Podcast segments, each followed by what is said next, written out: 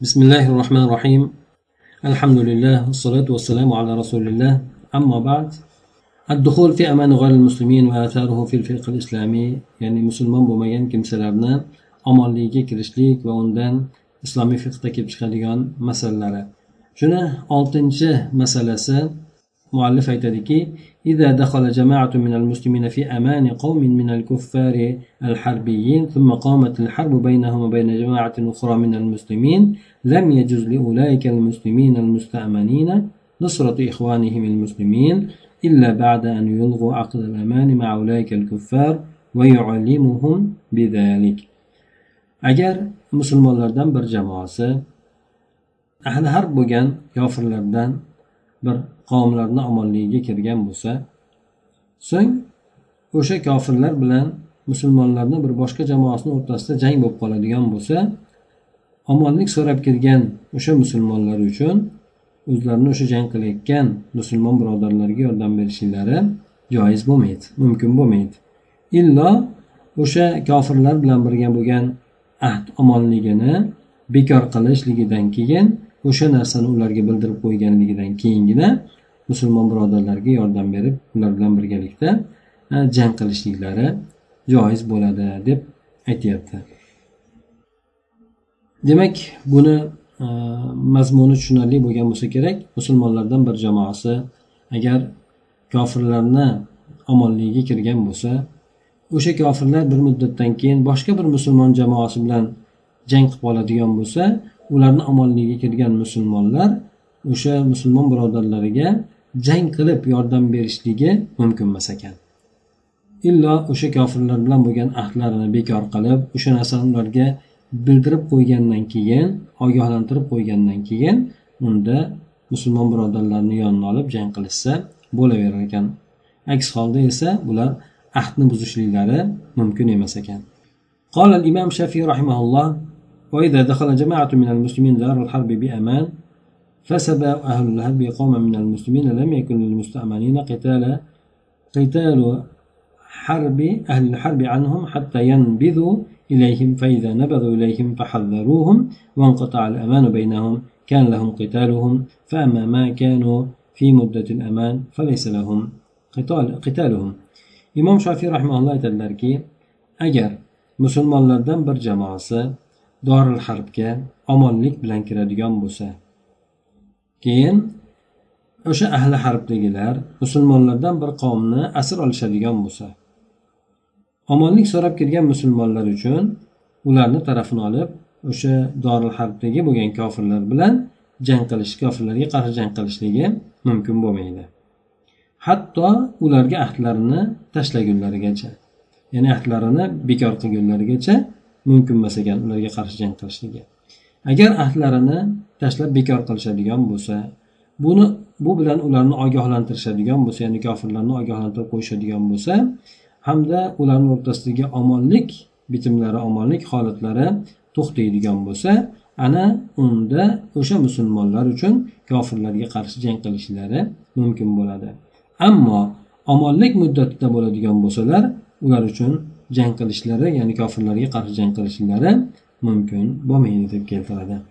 Yana imom shofiy rahmaulloh aytadilarki agar musulmonlardan bir qavm e, doril harbga omonlik bilan kiradigan bo'lsa dushman ulardan to ular ulardan ajrab ketgunigacha omonlikda bo'lishadi e, yoki bo'lmasa omonlik muddatini yetkazib oxirigacha muddatigacha o'tab qo'ymaydigan bo'lsalar ular unda ya'ni o'sha muddat tugamagunigacha omonlikda bo'ladilar.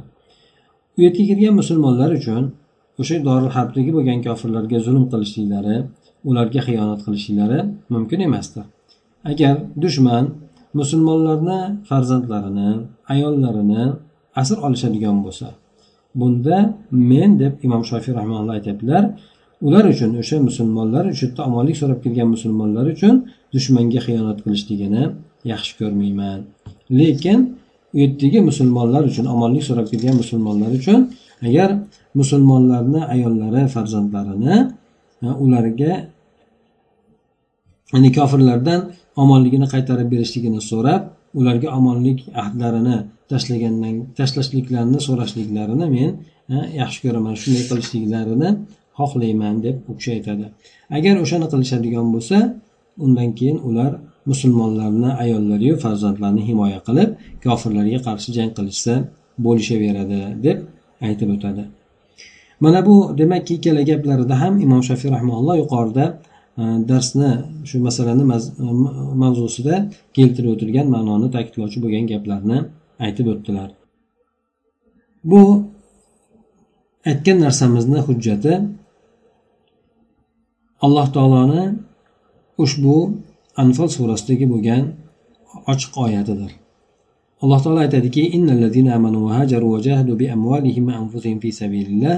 والذين آمنوا ونصروا أولئك بعضهم أولياء بعض والذين آمنوا ولم يهاجروا ما لكم من ولايتهم من شيء حتى يهاجروا وإن استنصروكم في الدين فعليكم النصر إلا على قوم بينكم وبينهم ميثاق والله بما تعملون بصير albatta iymon keltirgan hijrat qilgan hamda moliyu jonlari bilan allohni yo'lida jihod qilgan kimsalar va yana ularga uy joy bergan qo'ldan kelgancha yordam bergan kimsalar bular bir birlariga do'stdirlar endi iymon keltirganu hijrat qilmagan kimsalar. Ya'ni hijrat o'sha paytlarda madinaga hijrat qilishlik bu farz amal edi. Ana shu farz amalni ado etmagan kimsalar endi sizlar uchun ularni do'stligidan do'stlikdan biron narsa yo'q. Hatto ular hijrat qilmagunlarigacha dedi. Agar endi o'shalar o'zlarini joylarida turgan holatlarida din borasida sizlardan yordam so'raydigan bo'lsa unda sizlarga ularga yordam berishlik lozim bo'ladi vojib bo'ladi. Lekin sizlar bilan oralarida ahdi paymon bo'lgan qavmlarga qarshi yordam so'raydigan bo'lsa bu istisno qilinadi bunda. Demak sizlar yordam berishlaringiz bo'lmaydi deb aytadi. Alloh taolo sizlar qilayotgan hamma narsalarni ko'rib bilib turuvchidir.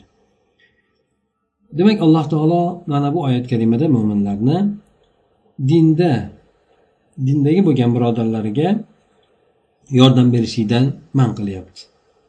Agar o'sha yordam berishlikda ahd paymonlarni buzishlik bo'ladigan bo'lsa tinchlik omonlik shartlariga zid ziddiyat bo'ladigan bo'lsa unda yordam so'ragan mo'min birodarlarga yordam berishlikdan man qilyapti. Mufassirlar esa mana bu oyat mana bu narsa demak o'sha yordam bermaslik shunday bo'lgan holatlarda oyat bilan maqsad mana shu ekanligiga ixtilof qilishmagan hammasi bir og'izdan mana shu narsani aytib o'tishgan deydi. Ibn atiya rahmaulloh aytadilarki alloh taoloni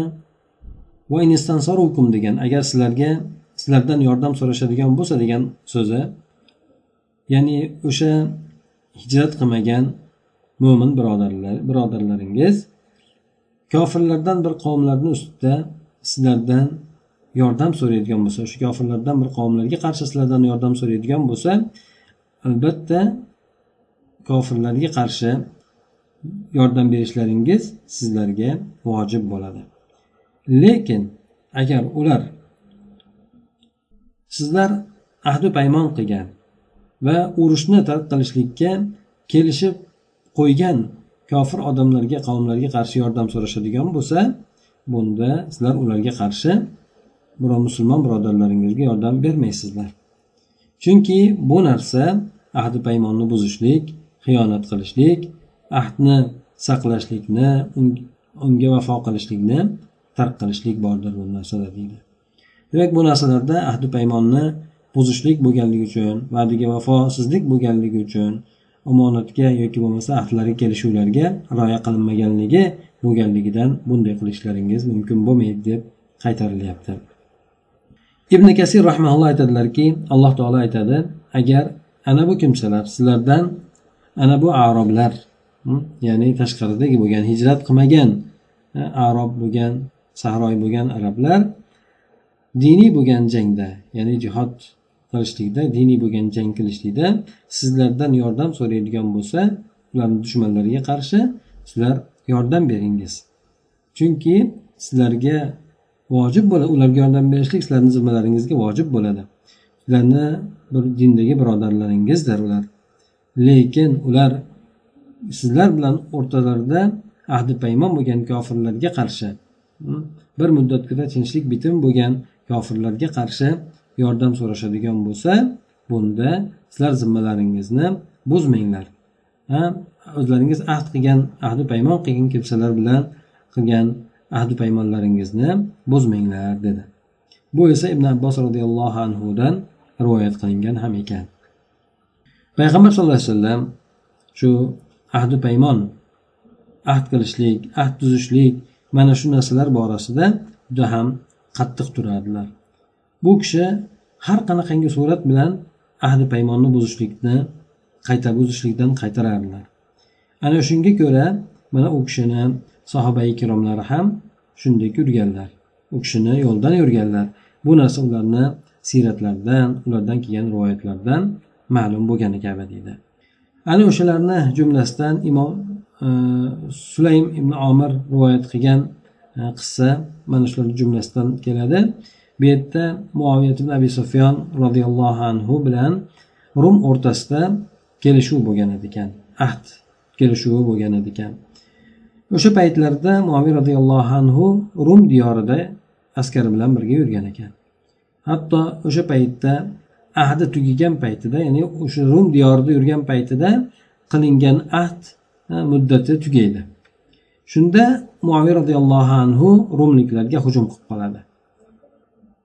Bir odam o'sha paytda ulovini ustida yoki bo'lmasa otini ustida turadida baqirib aytadiki allohu akbar vafo qilinglar xiyonat qilmanglar deb ikki marta qaytarib aytadi.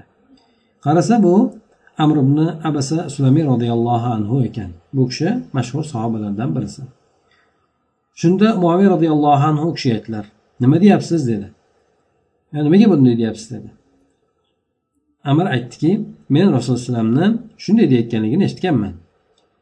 Kim bilan bir qavmni o'rtasida ahd paymon kelishuv bo'ladigan bo'lsa bironta kelishuvni buzmasin yechmasin yoki bog'lamasin hatto o'sha avvalgi kelishuvni e, ya'ni bironta bir ish qilmasin ularga qarshi e, o'sha kelishuv muddati tugagunigacha dedi deganini eshitganman dedi. Yoki bo'lmasa ular birdaniga o'sha kelishuvlarni tashlamagunlarigacha bironta ish qilmasin dedi. Shundan keyin moviy roziyallohu anhu odamlarni qaytarib olib ketdilar deydi ya'ni urushdan qaytarib olib ketdilar. Yazid ibn horun roziyallohu anhu aytadiki rahimaulloh aytadiki bu yerda muaviy roziyallohu anhu muddat o'sha kelishuv muddati tugashligidan oldin rumliklarga hujum qilishlikni xohlamagan edi. Lekin u kishi o'sha rumliklar diyorda bo'lib turgan paytida muddat tugashligini xohlagan edi. Ha muddat tugamasdan turib rumliklar diyoriga kirganda o'sha yerda aylanib yurgan muddat tugashiga o'sha yerda hujum qilamiz degan maqsadda edilar dedi. Ularga keyin aldab turib hujum ham qildi. Bu narsani esa shu aldab turib hujum qilishlikni xohlagan edi. Bu narsani qilgan paytida amr ibn abasa roziyallohu anhu inkor qildi u kishiga. Ya'ni ularni diyorlariga to bildirib qo'ymagunigacha kirma bildirib qo'ymasligiga bildirib qo'ymagunigacha va ularga qarshi jang qilayotganligini jang qilishni xohlayotganligini xabar berib qo'ymagunigacha va bu ishlarni qilmasligini u kishiga tayinladi. Ya'ni kofirlarni diyoriga kirar ekan demak biz kirdik bizlarga jang qilmoqchimiz deb xabarni berib qo'yishligi kerak deb bu kishi aytib o'tadi. Shayxul islom ibn taymiya rahmaulloh aytadilarki sunnat bu yerda kofir bo'lgan odam omonlik deb tushungan hamma narsa omonlik ya'ni u aldanib qolmasligi uchun omon garchi uni aldashlik qasd qilinmayotgan bo'lsa ham aldanib qolmasligi uchun kofir bo'lgan odam nima narsani omonlik deb tushunadigan bo'lsa u narsani omonlik deb bilishlik sunnatda kelgandir. Bu yerda mana shunday deb aytadida ya'ni kofir bo'lgan odam ular bizni diyoriga kirgandan keyin omonlik paytida o'sha omonlik bo'yicha ular e'tibor qilib turishadi. Endi musulmon ham o'sha omonligini tugatib ularga bildirib qo'yib ana undan keyin hujum qilishligi bo'lmaydigan bo'lsa bu kofirlarga bu narsa aldanishlik bo'lib qoladi. Aldashlik bo'lib qoladi. Shuning uchun bu narsani xilofini olib kelingan sunnatda deydi bu narsadan qaytariladi deydi. Mana shundan keyin ibn taymiya rahmaulloh amr ibn abasani hadislarini keltirib o'tadi. Yana bu yerda muaviy roziyallohu anhu ularni diyoriga kirib aylanib yuradida go'yoki ular omonlik ekanligini hisoblashganda keyin omonlik tugashi bilangina u kishi hujum qilib qoladigan bo'lsa ular bu narsadan bexabar qolishadi. Shuning uchun e, bu narsani amr ibn abasa qaytargan edi. Ma'lumki bu narsadan demak o'sha ahd qilingan odamlarga bir aldov xiyonat bo'lib qolmasligi uchun o'sha narsadan u kishi qaytargan edi. Garchi bu narsada bu moviy roziyallohu anhu bu narsa qilishligida ahd kelishuv lafzi taqozo etadigan narsaga muxolifat bo'lmagan bo'lsa ham ya'ni ahd tugadi vaqti tugadi. Tugagan bu, bu narsa muxolif bo'lmagan muxolifati bo'lmagan bo'lsa ham lekin e, bu yerda aldanib qolma aldov bo'lib qolmasligi uchun bu kishi ularni qaytardi deydi ma'lumki aqd lafzan ham urfan ham bir aldov ekanligiga dalolat qiladigan narsaga e, aqd lafzan ham urfan ham yoki bo'lmasa dalolat qiladigan narsaga muxolif bo'lishlik bu aldov ekanligi va u narsani harom ekanligi ma'lum bo'ladi deydi ya'ni aqd kelishuvni lafzan bo'lsin o'sha so'zi yoki urfda dalolat qiladigan narsasiga zid ishni qilishlik bu aldov bo'ladi. Ular demak urf borasida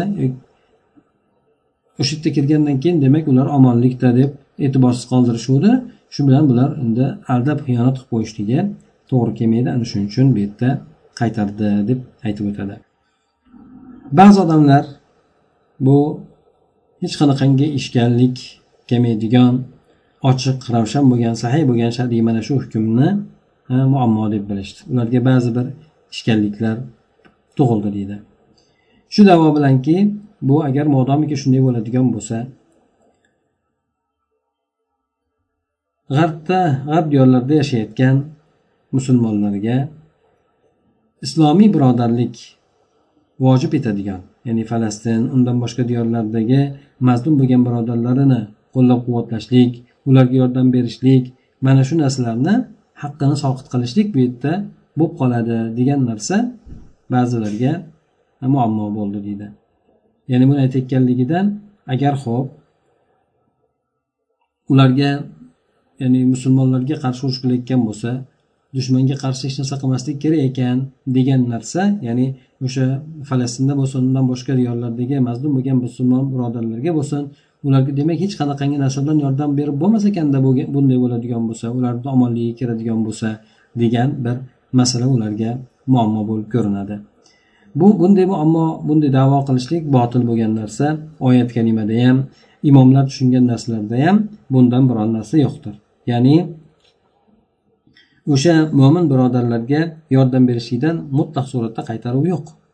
Balki bu yerda monini turgan paytida moni bu yerda qoyim turgan paytida bu ahdi paymon qilish ular bilan kelishuvlarni bo'lishligi bo'lib turgan paytda jang bilan yordam berishlikdan qaytariladi. Agar ular mana imom shofiyni gapida ham keladi ahdlarini ular tark qiladigan bo'lsa ahdlarni buzib ularga tashlaydigan bo'lsa undan ogohlantirib qo'yishadigan bo'lsa o'rtalaridagi omonlik to'xtaydigan bo'lsa unda ular uchun jang qilsa bo'laveradi dedi. Bu mana imom shofiyni so'zlari edi. So'ng bu yerda yana ahdni buzmasdan omonlikni tugatmasdan boshqa har xil yo'llar bilan yordam berishlik ham bo'laveradi. Bu omonlik ahdiga zid kelmaydigan ko'plab suratlar bilan yomonlik e, yordam berishlik ham mumkindir. Chunki mana biz hozirgi musulmonlarda g'arb davlatlaridagi bo'lgan voqedagi bo'layotgan holatlar kabi.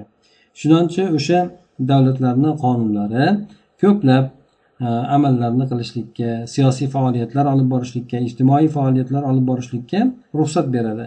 Bu narsada o'zlarini birodarlariga katta bir yordamlar bordir albatta.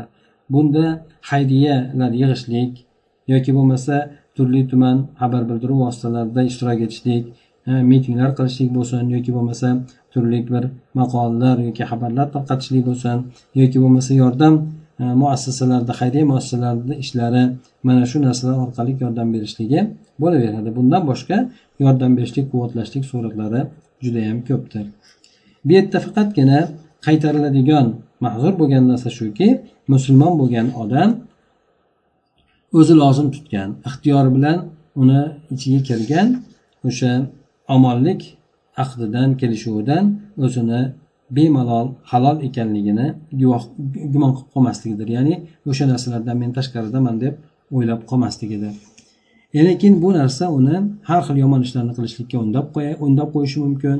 E, va yana o'sha va'dasiga vafo qilishlik ahdini lozim tutishlikni e, vojibiga zid keladigan har xil yomon ishlarniga uni bu narsa undab qo'yishligi mumkindir. Bu masalan portlatishlik kabi bo'lsin o'ldirishlik yoki bo'lmasa yerda har xil fasodlar tarqatishlik bo'lsin deb aytib o'tadi. Demak mana bu e, unvondagi bo'lgan unvon ostidagi bo'lgan mana bu maqoladan shuni anglasa bo'lar ekanki e, bu oyat karimadan ham dalilni keltirib o'tdi. Payg'ambar alayhisalomni sunnatlaridan yoki bo'lmasa sahobalarni e, holatlaridan E, misollar keltirib o'tdi albatta ahdi paymon qilinadigan bo'lsa ahd kelishuvlar qilinadigan bo'lsa musulmon odam albatta judayam qattiq e'tibor berishlik kerak bo'lar ekan bu narsaga. Mana quyida agar ko'rib chiqadigan bo'lsalaringiz ba'zi kelishuvlar bo'lgan bu yerda ba'zi qissalarni ham aytib o'tadi. Payg'ambar sallallohu alayhi vasallamni davrlarida e, hudaybiya sulhida u kishi shunday bir makka mushriklar bilan kelishuv bo'lgandiki makka tomonidan kim musulmon bo'lib keladigan bo'lsa ularni qaytarib yuborishlik kelishuviga payg'ambar alayhissalom rozi bo'lib qabul qilgan edi. O'shanda ba'zi sahobalar abu jandal abu basir shu kishiga o'xshagan ba'zi sahobalar demak makka tomonidan musulmon bo'lib qaytib kelganda payg'ambar sallallohu alayhi vasallam ularni qaytarib yuboradi. Bu narsa o'sha yerdagi sahobalarga ham hammaga og'ir keladi lekin payg'ambar sallallohu alayhi vasallam bu bilan o'sha paytda qilingan kelishuvni lozim tutadi. Lekin alloh taolo payg'ambar alayhisalom aytadi ularga alloh taolo yaqinda sizlarga bu muammolaringizdan chiqadigan joylarni ham qilib beradi deb aytadilar. Alloh taolo ularga o'sha muammolardan chiqadigan narsani ham e, mahrajni ham qilib beradi. Lekin bu yerdagi muhim bo'lgan narsa payg'ambar alayhissalom o'sha kelishuvga binoan musulmon bo'lib kelgan odamni kofirlarni qo'liga tutkizadi. Bu narsa albatta sabr qilinglar ehtisob qilinglar allohni huzuridagi ajrni umid qilinglar chunki biz bular bilan kelishuv qilib qo'yganmiz o'sha kelishuvga binoan albatta sizlarni berishligimiz kerak bo'ladi deb aytadi. Mana shunday e, kelishuvlarni juda qattiq payg'ambar alayhisalom rioya qilgan. Hech qanaqangi yo'l bilan buni buzishlikka olib boradigan narsalarni juda ham payg'ambar alayhisalom ogoh bo'lgan shu narsalardan o'zlarini ehtiyot qilgan. Ana o'sha narsalarni taqozosi bilan demak kelishuv bo'ladigan o'rinlarda e, ya'ni shu narsani kofirlar bilan bo'lsin yoki boshqalar bilan bo'lgan bo'lsin farqi yo'q. odam juda qattiq rioya qilishligi allohu alam kerak bo'lar ekan سبحانك اللهم وبحمدك نشهد أن لا إله إلا أنت نستغفرك ونتوب إليك اللهم انفعنا بما علمتنا وعلمنا ما ينفعنا وزدنا علما